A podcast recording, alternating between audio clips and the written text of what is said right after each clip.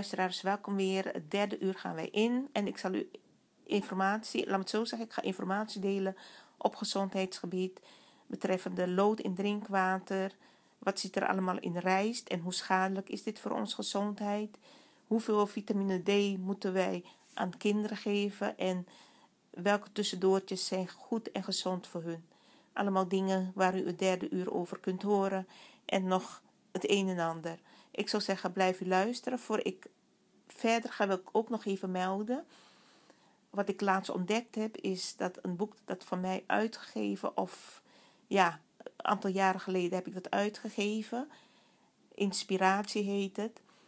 En tot mijn verbazing zag ik het laatst op een website van bol.com dat het boek te koop is voor 29,95.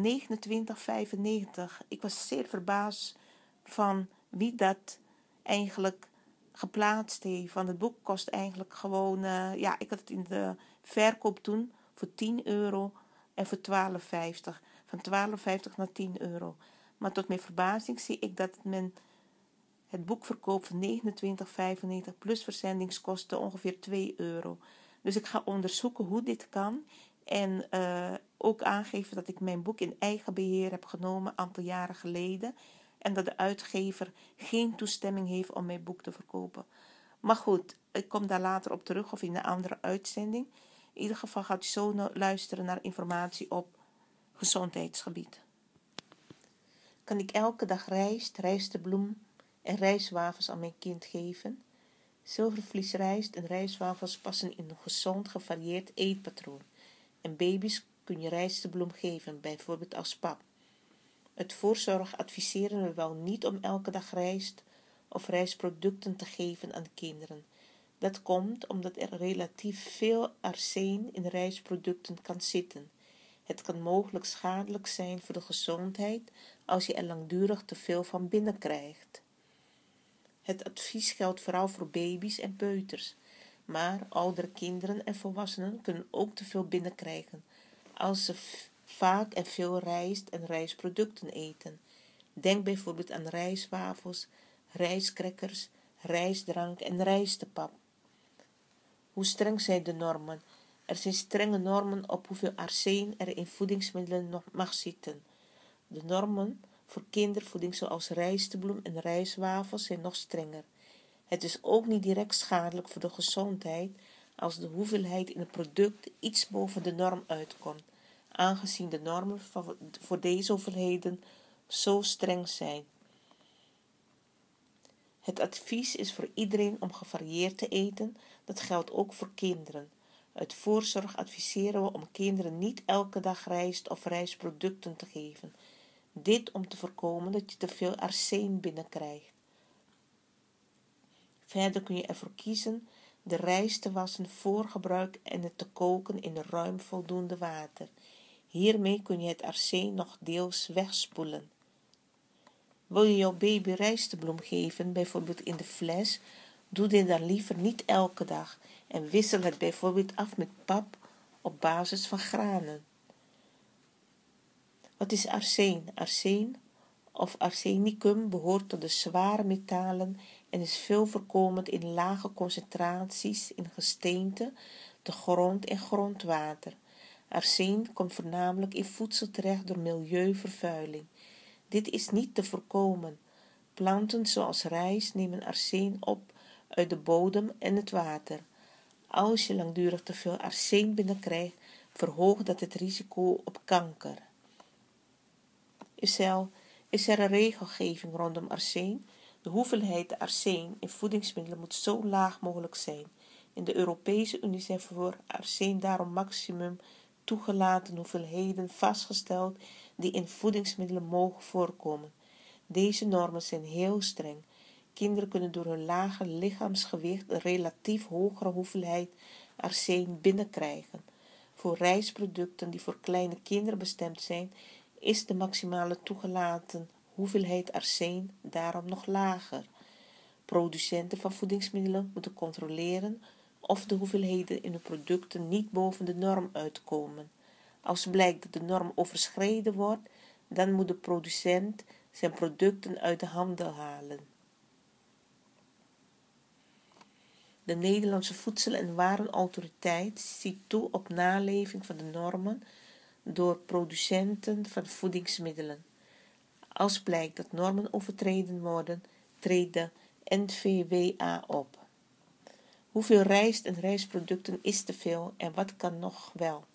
Het is moeilijk om te zeggen of je wel of niet elke dag één, twee of meer rijstproducten zoals rijstwafels kan eten of geven aan de kinderen. Het hangt er vanaf hoe je eetpatroon er verder uitziet. Varieer in tussendoortjes. Denk aan groente, fruit, cracker, schaaltje yoghurt of een boterham. En wissel in een week rijst af met aardappelen, pasta of andere graanproducten. Als je jouw baby pap of basis van rijstebloem wilt geven, doe dit dan liever niet elke dag. En wissel af met pap op basis van granen bijvoorbeeld. In 2014 heeft de Europese Autoriteit voor Voedselveiligheid EFSA gekeken naar hoeveel arsen consumenten binnenkrijgen. Hierbij is ook specifiek naar jonge kinderen en baby's gekeken, omdat zij vanwege hun lage lichaamsgewicht relatief veel binnen kunnen krijgen. Uit de risicobeoordeling van EFSA of EFSA bleek dat het eten van veel producten weer relatief veel arsen in zit en een risico vormt voor jonge kinderen, vooral zeer jonge kinderen. Zit er arsen ook in andere producten? Arsen komt voornamelijk voor in rijst en rijstproducten. Verder komt het ook maar in lage hoeveelheden voor in bewerkte graanproducten zoals brood, in melk en melkproducten en in water. Hoe is het met culturen waar veel rijst wordt gegeten? De EFSA heeft op basis van een onderzoek gekeken naar arsen in rijst of rijstproducten die in Europa worden gegeten. In bijvoorbeeld Aziatische landen kan dit risico zeker ook bestaan, maar hier heeft de EFSA niet naar gekeken. Consumenten die veel rijst eten in Nederland adviseren we om gevarieerd te eten. Wat is gezond eten voor mijn kind? Nou, er zijn nog wat uh, andere onderwerpen voor luisteraars die interesse hierin hebben. Die kunnen dan naar de website voedingscentrum.nl. Vraag en antwoord veilig eten. Heel interessant. Ik zie ook uh, artikels en e-nummers slecht voor mijn kind. Goed, luisteraars, die ga ik dan straks voorlezen. We gaan nu even naar wat muziek luisteren.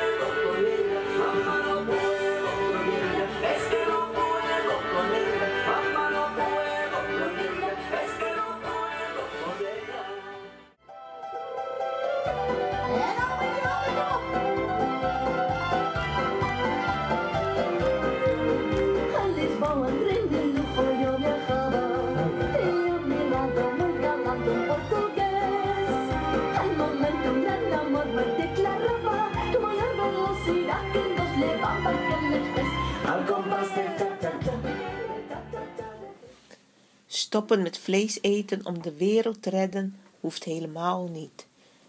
Bron maatschappij wij.nu Wil je echt bijdragen aan een betere wereld? Stop dan vandaag nog met vlees eten. Voor de meesten van ons makkelijker gezegd dan gedaan. Van alles naar niets is vaak een te grote sprong. De laatste tijd waait er een fris geluid door deze discussie. De wereld is helemaal niet gered als we allemaal ineens vegetariër worden. Goed nieuws voor de verstokte vleeseters? Nou, dat ligt iets genuanceerder. Een verkenning. Inclusief toekomstig, toekomstbestendig menu. Naar verwachting zijn we in 2050 met zoveel mensen dat de wereldwijde vleesconsumptie met 70% is gestegen. En dat is geen goed nieuws, want de mondiale veeteelt is verantwoordelijk voor bijna 15% van alle aan menselijk gedrag gerelateerde broeikasgassen. Babette Porselein stelt in haar boek De verborgen impact dat vlees eten na spullen de grootste negatieve impact op ons klimaat heeft. Dat komt voornamelijk door de enorme hoeveelheden veevoer die we verbouwen. Voor de productie van 1 kilo biefstuk is gemiddeld 25 kilo voer nodig. Nog een paar nieuwsfeiten. Als alle Europeanen in één klap vegetarisch zouden gaan eten, behoudt de EU al van voor 2020 de helft van haar milieudoelstellingen. En als de hele wereld helemaal geen dierlijke producten meer zou eten, dan is het broeikaseffect in 2050 circa 20% minder sterk. Als je dat allemaal leest, lijkt acuut stoppen met vlees consumeren een no-brainer, toch? Nou, daar valt wel over te twisten. Vleesarm in plaats van vleesloos. Journalist Evert Nieuwenhuis verdiepte zich voor de correspondent in deze ingewikkelde materie en publiceerde er verschillende artikelen over. Een van zijn conclusies: een beetje vlees eten is juist duurzaam. Uiteraard belast de huidige vorm en omvang van veeteelt de aarde veel te zwaar, maar ook het produceren van dierloze alternatieven veroorzaakt extra milieueffecten. Denk onder andere aan dierlijke vetten die vervangen moeten worden, die vervangen moeten worden, moeten worden door plantaardige oliën zoals palmolie, waarvoor heel veel regenwoud wordt gekapt. Stappen we met z'n allen over op een vleesarm dieet, maximaal 43 gram rood vlees per dag, dan is de mondiale uitstoot van voedselgerelateerde broeikassen in 2050 met 7% toegenomen, in plaats van met 51%. Af en toe vlees eten past dus wel degelijk in een milieubewust dieet. Het menu van de toekomst bestaat uit weinig vlees en veel groenten. In het menu van morgen van natuur en milieu is ruimte voor 30 tot 66 gram vlees per dag. Ook in de zoektocht naar milieubewust eten van trouw concludeert Corné van Doren van het voedingscentrum in Den Haag het volgende. Het staat buiten kijf dat een plantaardig voedingspatroon gemiddeld een lagere impact heeft dan een eetpatroon met vlees. Maar het ideaal ligt niet bij nul vlees eten, maar bij weinig vlees eten. Helemaal als we de grond benutten waar deze voor bedoeld is. Vee, voedselrestanten, voedselreststromen laten eten en zelfs groenten en fruit eten van dichtbij. Het menu van de toekomst is zelfs trouwens ook niet toekomstig bestendig. In 2050 is de aarde dichter bevolkt en de klimaatverandering duidelijk merkbaar. Het menu bevat dan waarschijnlijk minder frisdrank, minder alcohol, kaas en andere zuivel en vrijwel geen vlees meer. Voor mensen die in één klap overschakelen naar een vega-dieet is het een grote stap te vinden, is er dus voorlopig goed nieuws. Op minder vlees eten zit zoden aan de dijk. Een flexitarisch dieet is door, voor veel mensen een goede tussenweg of tijdelijk station. Van stelt dat het een goede richtlijn is om minder dan de helft van je eiwitten uit dierlijke producten te halen en 80% van je granen, olie, groenten en fruit uit de regio te halen, aangevuld met producten van elders. Als je bewust met je vleesconsumptie om wil gaan, is het goed om te weten dat de ene keuze meer impact heeft dan de andere. Allereerst, het kiezen van plantaardig boven dierlijk voedsel heeft de meeste impact. Daarna, waar het vandaan komt en tenslotte of het biologisch is of niet. Ook niet vergeten, per portie 120 gram hebben rund, varken en kip respectievelijk 1800, 630 en 480 liter water nodig. Dit weekend smaakt een Hollands biologisch kippetje toch veel beter dan een steak uit Argentinië, of niet?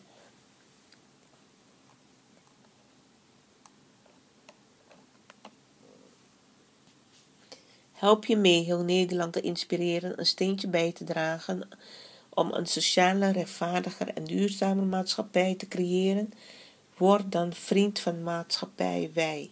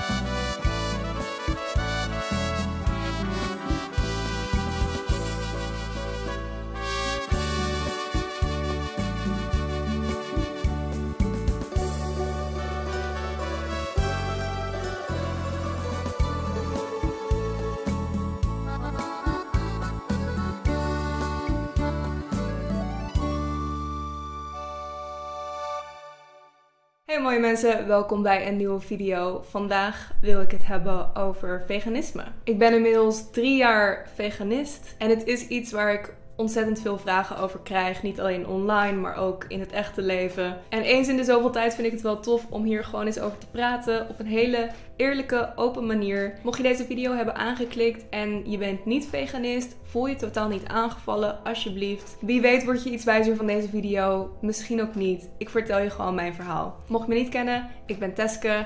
Ik maak al heel lang YouTube-video's en ik vind het heel leuk om op dit kanaal onder andere te laten zien hoe tof het kan zijn om veganistisch te eten. En ik wil in deze video wat dieper ingaan op vragen, maar het ook even gewoon heel erg als een basisvideo aanpakken. Dus vandaar dat ik ga beginnen bij het volgende. Wat is veganisme? En voor mij is dat dat ik leef op een manier waarbij ik zo weinig mogelijk dingen doe die bijdragen aan dierenleed. Dus ik eet geen dingen van dierlijke afkomst en daarbij hoort melk, eieren, kaas, vlees en vis, of course. Maar ook bijvoorbeeld kleurstoffen gemaakt van insecten. Of verdikkingsmiddelen zoals gelatine gemaakt van dierenbotten en huid. En ook honing eet ik niet. Die dingen eet ik allemaal niet. En voor mij betekent veganist nog meer dan dat alleen. Want het betekent ook dat ik geen wol koop, geen leer. Dat ik dierproefvrije cosmetica gebruik. En ook erop let dat daar geen dierlijke ingrediënten in zitten. Eigenlijk zoveel mogelijk zodat ik niet bijdraag aan eventueel dierenleed. Je kan ontzettend veel redenen hebben om veganist te worden. Voor mij is het dierenwelzijn nummer één. Ik vind het natuurlijk onwijs belangrijk dat ik daar ook het milieu een handje mee help. De vee-industrie is heel erg vervuilend en daar kan je ontzettend veel over leren als je dat zou willen. Maar ik denk inderdaad dierenwelzijn op één en op twee staat voor mij milieu. Ik heb trouwens op social media gevraagd naar vragen over dit onderwerp. Dus dit zijn niet dingen die ik zelf heb bedacht, maar gewoon echt afgegaan op wat jullie graag wilden weten hierover. En ik heb het in een beetje grote lijnen gepakt, zodat ik een paar verschillende onderwerpen kan bespreken. Waarom doe ik dit? Nou, zoals ik al zei, dierenwelzijn. Ik vind niet dat er voor mijn genot, voor mijn smaakpapillen, voor mijn kleding, andere wezens hoeven te sterven of pijn te hebben.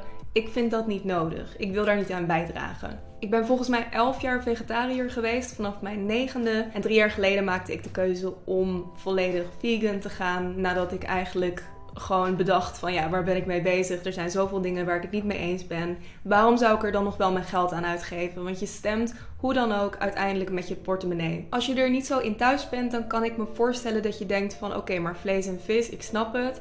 Maar melk en eieren zijn toch natuurlijke producten. Een kip legt toch wel eieren, een koe geeft toch wel melk. Maar zo zit het dus niet helemaal. Ja, een kip geeft eieren. Dat is absoluut waar. In de natuur komt het vaak voor dat ze die eieren vaak zelf opeten, omdat er heel veel voedingsstoffen in zitten. Ze kunnen overleven zonder die eieren. Maar in de industrie voor eieren gaat leed op de manier dat er natuurlijk ook heel veel nieuwe kippen worden geboren om nieuwe eieren te gaan leggen. En als dat een haantje is die geen eieren legt, dan worden die bijna altijd direct doodgemaakt. Dat gebeurt ook bij biologische eieren. Om nog maar niet te spreken over de leefomstandigheden die een scharrelkip heeft. Bijvoorbeeld scharrelkippen, dat klinkt heel gezellig en heel vrij, maar dat valt echt tegen. Als je gaat kijken naar hoeveel vierkante meter ze hebben per kip. En in de zuivelindustrie is het zo dat een koe alleen maar melk geeft wanneer ze een kalf heeft gehad. En dat is wat heel veel mensen niet realiseren. Dat koeien niet fulltime melk geven. Die geven melk omdat het moedermelk is. Dus de koeien in de zuivelindustrie worden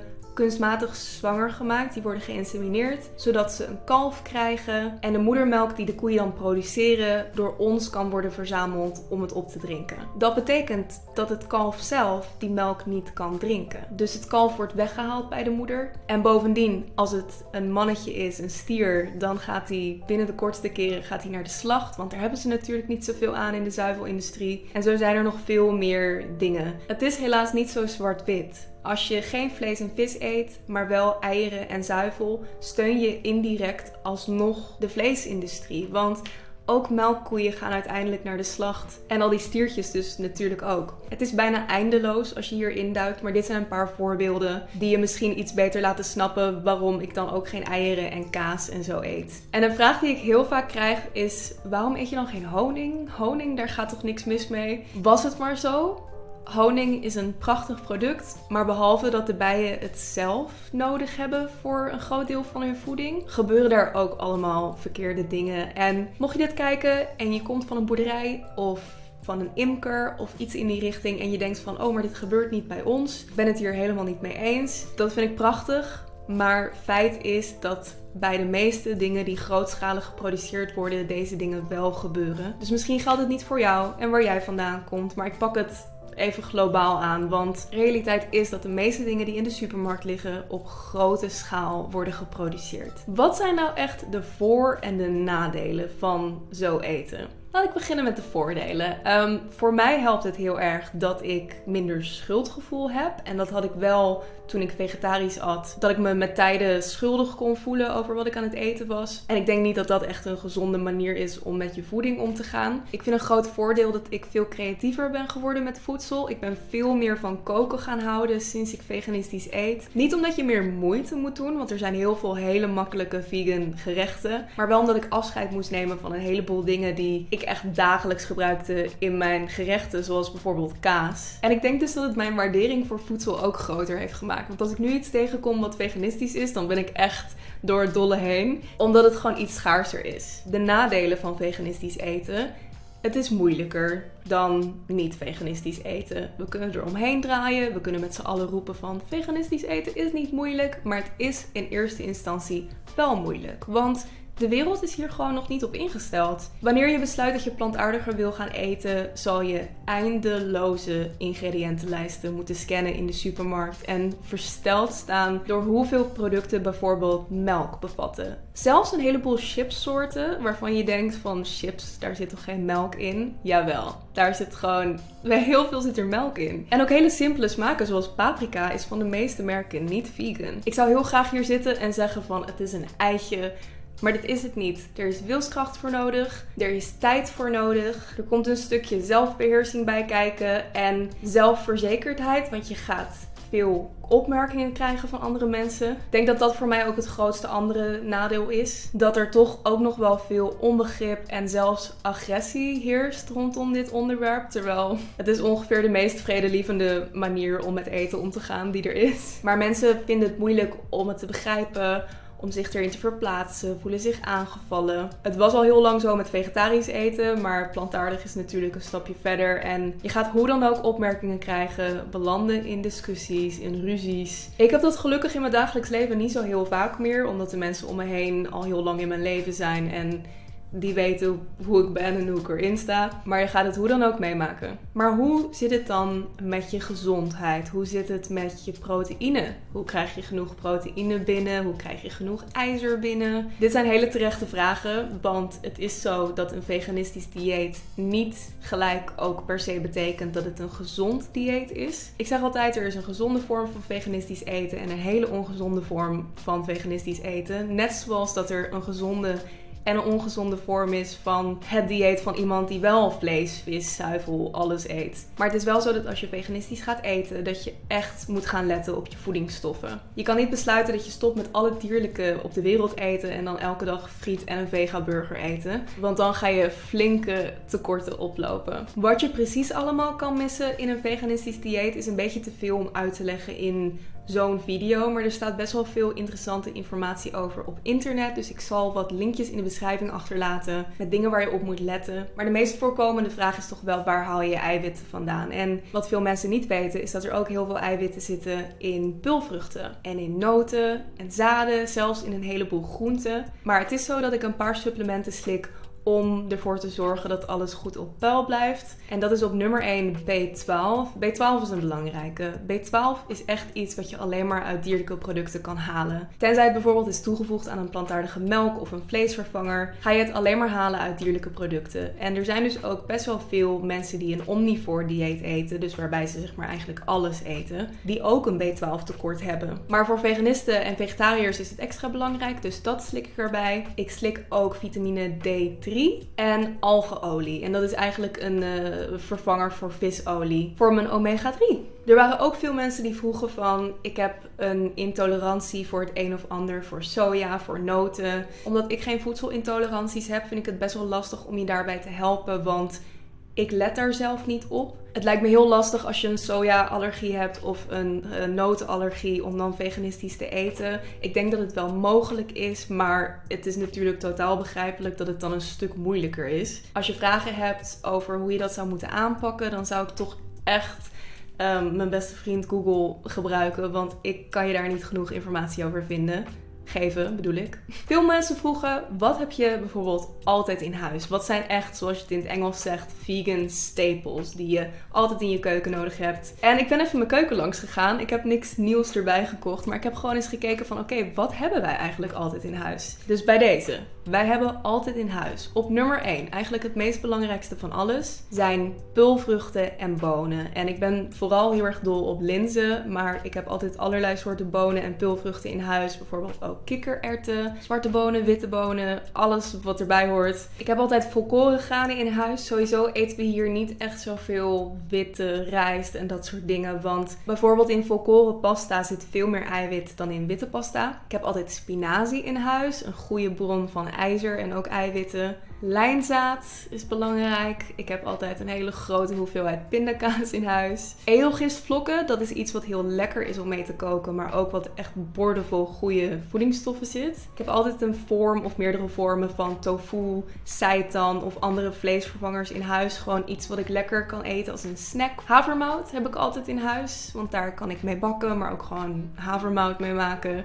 Ik heb altijd plantaardige melk in huis en mijn lievelings is eigenlijk cashewmelk, maar je vindt dat bijna niet suikervrij. Dus wat we meestal hebben is iets van amandelmelk of havermelk. Ik heb ook altijd kokosmelk in huis. Niet zo'n pak, maar gewoon echt een blikje dikke kokosmelk om mee te koken. Vegan kaas, dat is niet per se voor mijn gezondheid, maar gewoon omdat ik het lekker vind. Ik heb ook bijna altijd kokosyoghurt in huis. En dan voor snacks hebben we vaak verschillende soorten noten in huis. Dus bijvoorbeeld cashews of amandelen. Fruit- en notenrepen, zoals bijvoorbeeld de naked bars. En ik heb vaak gedroogde vruchten in huis, zoals abrikozen en dadels en fruit. En dat is altijd anders, maar wat ik wel altijd heb zijn bananen. Maar wat eet je dan eigenlijk als je veganistisch eet? Ik zal je een idee geven. Voor ontbijt eet ik vaak iets van kokosjoghurt met muesli of bijvoorbeeld havermout. Voor lunch eet ik of een salade met iets lekkers erin, zoals linzen en rauwkost of gerookte tofu of gegilde groenten. Of ik eet een wrap of een boterham met bijvoorbeeld vegan kaas of hummus of pesto. En dan voor avondeten eten we bijna altijd um, veel groenten. En dan dus een vorm van granen, dus het liefst volkoren granen, zoals volkorenpasta of zilvervliesrijst of quinoa vind ik ook lekker. En dat is altijd anders. Een paar van mijn favoriete gerechten zijn bijvoorbeeld curry. Ik hou heel erg van curry. En dat is ook zo makkelijk als je gewoon weet hoe je die saus maakt. Kan je elke groente die je maar wil, kan je erbij gooien. Ik doe ook heel vaak groenten in de oven roosteren. Ik vind het wel lekker om aardappelen te eten. Die eten we ook vaak uit de oven. Ik eet echt van alles. Maar ik zal voor het gemak even wat dingen in de beschrijving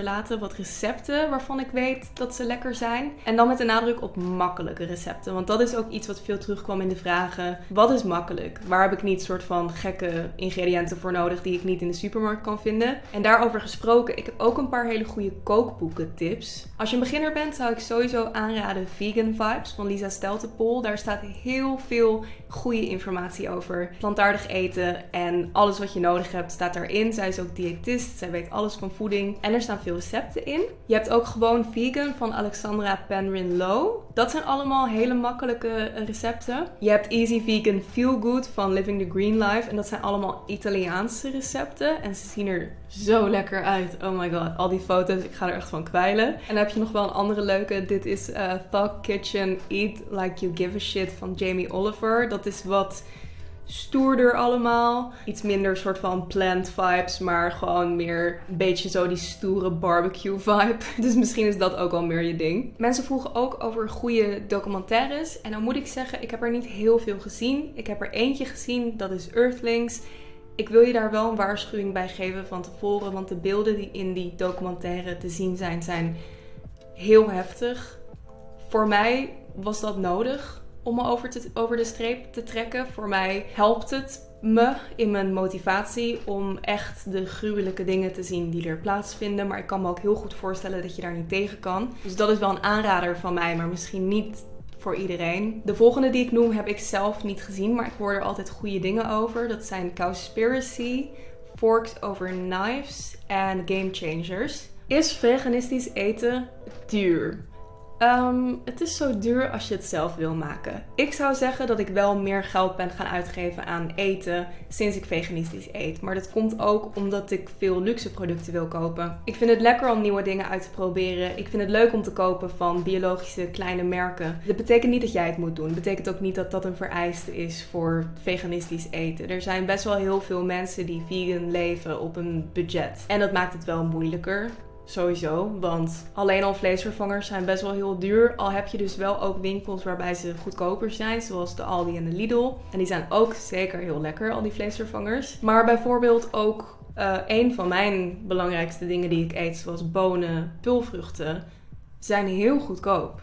Zeker als je de gedroogde variant koopt, kan je echt grote verpakkingen kopen voor weinig geld. En dat is wat minder gezellig en fancy dan een vega-burger, maar het is mogelijk. Maar dit is wel weer wederom een onderwerp waar ik je niet de beste tips over kan geven, omdat ik het niet erg vind om wat meer geld uit te geven aan mijn eten. Ik geef liever wat meer geld uit aan mijn eten en dat ik dan ergens anders wat meer op bespaar. Ook omdat uh, nieuwe dingen proberen en eten en zo gewoon een onderdeel is van mijn werk. Maar ik zal even kijken of ik wat artikelen kan vinden en die ook voor je kan linken in de beschrijving. Hoe doe je het als je bij iemand anders gaat eten, op een verjaardag bent uit eten gaat of op vakantie bent. Dat is ook een goede. Iedereen's familie en vriendenkring is anders. Uh, je kan mensen in je omgeving hebben die er totaal geen probleem mee hebben en hun best willen doen voor je. Je kan ook mensen in je omgeving hebben die het wat lastiger vinden en dat is totaal begrijpelijk. En daar zal je op moeten anticiperen. Dus in mijn geval heb ik mensen om me heen die graag rekening met me houden. En daar ben ik echt uh, gezegend mee, want het is niet altijd zo makkelijk. Maar wat ik wel bijna altijd doe, is van tevoren even vragen van... Hey, heb je hulp ergens bij nodig? Heb je vragen?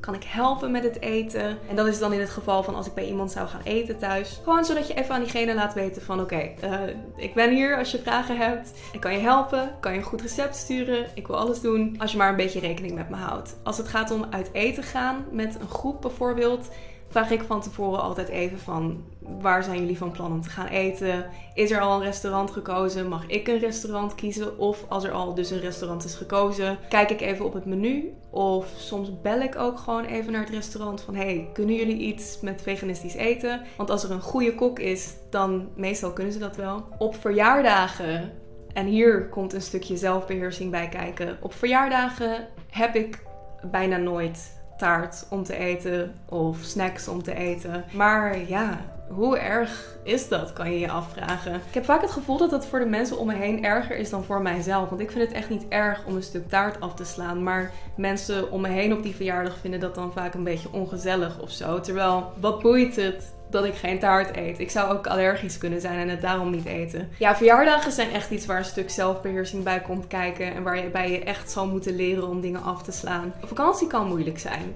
Ik, uh, ik heb wel meegemaakt dat ik echt hongerig begon te worden omdat er niks voor me te vinden was en dat ik maar gewoon naturel chips aan het wegeten was omdat ik gewoon niks kon vinden bij bakkerijtjes of bij tankstations. Vooral in landen zoals Frankrijk en Spanje is dat moeilijk. Maar wat ik nu meestal doe is, het ligt er helemaal aan wat voor vakantie het is, maar ik check sowieso als ik ergens naartoe ga of er een beetje wat te eten is. Ik ga soms gewoon naar een plaatselijke supermarkt en dan zoek ik daar zo mijn eigen dingetjes uit of ik neem wat dingen mee van thuis. Bijvoorbeeld Mert en ik hebben een roadtrip gedaan een paar jaar terug. En toen zaten we ook in hele kleine dorpjes waar echt niks veganistisch te vinden was. Maar dan had ik gewoon mijn eigen spulletjes bij me. Zoals bijvoorbeeld een zak soep of iets anders makkelijks wat je gewoon kon opwarmen. Google is je beste vriend. Je kan echt, als je in een beetje grote stad zit, bijna altijd wel iets vinden waar je vegan kan eten. En anders kan je altijd nog friet eten. friet is altijd mijn beste vriend als ik ergens niet kan eten. En ze hebben vaak ook wel iets als gegrilde groenten of een soep waar geen room in zit. Wat ik in het buitenland vaak doe is zeggen dat ik allergisch ben. Dus echt zeggen van ik ben allergisch voor eieren, melk, het hele lijstje. Dan snappen ze je en dan nemen ze het vaak ook wel iets serieuzer. Wat als je ouders of je partner het er niet mee eens is? Nou, dit is wel weer een onderwerp waar ik niet mee te maken heb, omdat mijn ouders ehm, er oké mee zijn en mijn vriend is er oké mee. Maar ik kan je wel wat tips geven. Kijk, als je nog thuis woont en je ouders zorgen altijd voor het eten, dan kan ik het me goed voorstellen dat ze dat lastig vinden als jij opeens heel anders wil gaan eten. Nou ben ik wel van mening dat als je je er goed in verdiept, je de goede argumenten hebt, ze je niet kunnen verplichten om vlees te eten, bijvoorbeeld. Zeker als je er zelf voor zorgt dat je genoeg informatie hebt verzameld, waardoor je weet hoe je op een gezonde manier dat kan vervangen. Ik zou geen extreme ruzie gaan maken, want ik denk niet dat dat helpt. Je ouders willen dit niet, waarschijnlijk uit onbegrip of omdat ze het lastig vinden. Dus probeer ze het uit te leggen en ze het makkelijker te maken. Dus bied aan om mee te helpen met het koken, bijvoorbeeld. Zeg dat je een fantastisch recept hebt gevonden en dat je het wil proberen vanavond. En misschien vindt iedereen het wel heerlijk. Of probeer eens te vragen of ze samen met jou een documentaire willen kijken. Ik denk dat heel veel voortkomt uit onbegrip. En als je probeert daar niet te hard tegenaan te schoppen, maar meer ze probeert te onderwijzen over waarom je wilt wat je wilt, dat dat positief kan werken. En als het gaat om die partner, ik heb met Mert een makkelijke. Mert is omnivoor. Die eet alles in principe. Maar hier thuis eet hij vegan. Uh, we hebben wel bijvoorbeeld eieren in huis en kaas in huis, omdat hij dat eet op brood. Maar wat ik maak qua avondeten is altijd veganistisch. Ik ga geen vlees klaarmaken. Daar voel ik me gewoon helemaal niet fijn bij. En hij is daar akkoord mee. Dus ik weet dat ik daar geluk mee heb. Maar hij is volgens mij al blij genoeg dat ik ervan hou om te koken. En dat ik een beetje goed kan koken. Hier ook weer kan je begripvol zijn. Je kan heel hard zijn. Je kan zeggen van ik ga jouw stuk vlees niet meer klaarmaken. Of je kan proberen een compromis te zoeken. Bijvoorbeeld een paar dagen per week dat je plantaardig of vegetarisch gaat eten. Ik denk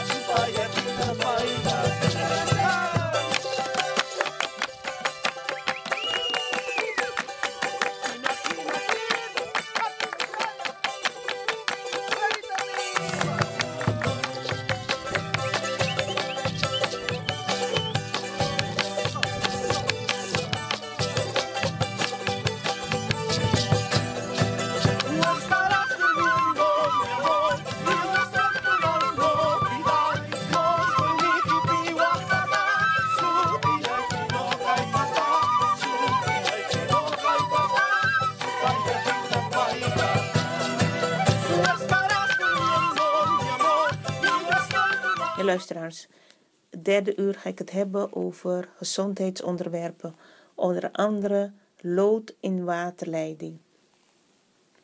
Oproep aan basisscholen. Bron is NOS. Oproep aan basisscholen. Laat waterleiding controleren op lood. Alle basisscholen in Nederland moeten worden gecontroleerd op de aanwezigheid van lood in het water. Veel scholen hebben nog lodenleidingen en om de nodige aanpassingen voor elkaar te krijgen, moeten scholen samen met hun gemeente gaan overleggen. Die oproep doet de PO-raad en alle schoolbesturen van Nederland, zegt de Belangenorganisatie van Schoolbesturen tegen de NOS. Lood in het drinkwater is schadelijk voor de gezondheid van met name jonge kinderen. Het is een punt van zorg en daarom roepen wij schoolbesturen op om de waterleiding te laten controleren, zegt een woordvoerder van de PO-raad. Techniek Nederland, de Vereniging van Installeurs, doet vandaag ook een oproep. Zij willen dat er een subsidie komt voor eigenaren van panden om lodenleidingen te laten vervangen. Omdat de kosten in veel gevallen een drempel vormen, kan de overheid niet blijven toekijken, zegt voorzitter Doekie Terpstra van Techniek Nederland. In veel gemeenten zijn de lodenleidingen tot de voordeur al vervangen door koper of kunststof. Maar binnen is het vaak een ander verhaal. Laat installeur gunst weten. De oproep tot controle en de nieuwe subsidieregeling volgen op de grote anti-loodoperatie die Utrecht en Rotterdam gisteren aankondigden. De twee steden gaan alle basisscholen en kinderdagverblijven die in gemeentelijke panden van voor 1960 zitten, controleren op de aanwezigheid van lodenleidingen. In Amsterdam gebeurt dat al. In Nederland zijn bij zo'n 100.000 tot 200.000 oude woningen de lodenleidingen nog nooit vervangen. In deze leidingen kunnen kleine looddeeltjes loslaten en zo is het drinkwater en zo in het drinkwater komen. Lodenleidingen mochten tot 1960 worden gebruikt in de bouw. Het vervangen van lodenleidingen is niet verplicht, maar wordt uit gezondheidsoogpunt wel aangeraden door de overheid. Den Haag en Eindhoven laten weten dat er binnen hun grenzen geen basisscholen of kinderdagverblijven in oude gemeentelijke gebouwen zitten die nog lodenleidingen hebben. Al het leidingwerk is in de gemeenten op enig moment vervangen. De Gezondheidsraad adviseerde in november om in panden die nu nog lodenleidingen hebben enkel nog flessen water te gebruiken voor zuigelingen, jonge kinderen tot 7 jaar en zwangere vrouwen. Een subsidie voor het vervangen van van loden waterleidingen in gebouwen bestond al tussen 1999 en 2005. In november adviseerde de Gezondheidsraad het Rijk om een manier te vinden om het vervangen van leidingen weer te stimuleren. Een nieuwe subsidieregeling is daarbij een mogelijkheid. Het ministerie van Binnenlandse Zaken zegt in een reactie van NOS dat het vervangen van lodenleidingen de verantwoordelijkheid is van de eigenaar van het pand. Een nieuwe subsidie om leiding te vervangen gaat er niet komen, zegt een woordvoerder. Er zijn geen aanwijzingen dat de kosten een reden zouden zijn om lodenleidingen niet te vervangen. Het overgrote deel heeft zonder subsidie plaatsgevonden. Het belangrijkste is dat men zich bewust is van de mogelijke aanwezigheid van lodenleidingen, zodat men actie kan ondernemen. Hoe krijgt je kind voldoende vitamine D binnen? Bron voedingscentrum.nl Extra vitamine D is nodig voor alle kinderen tot 4 jaar.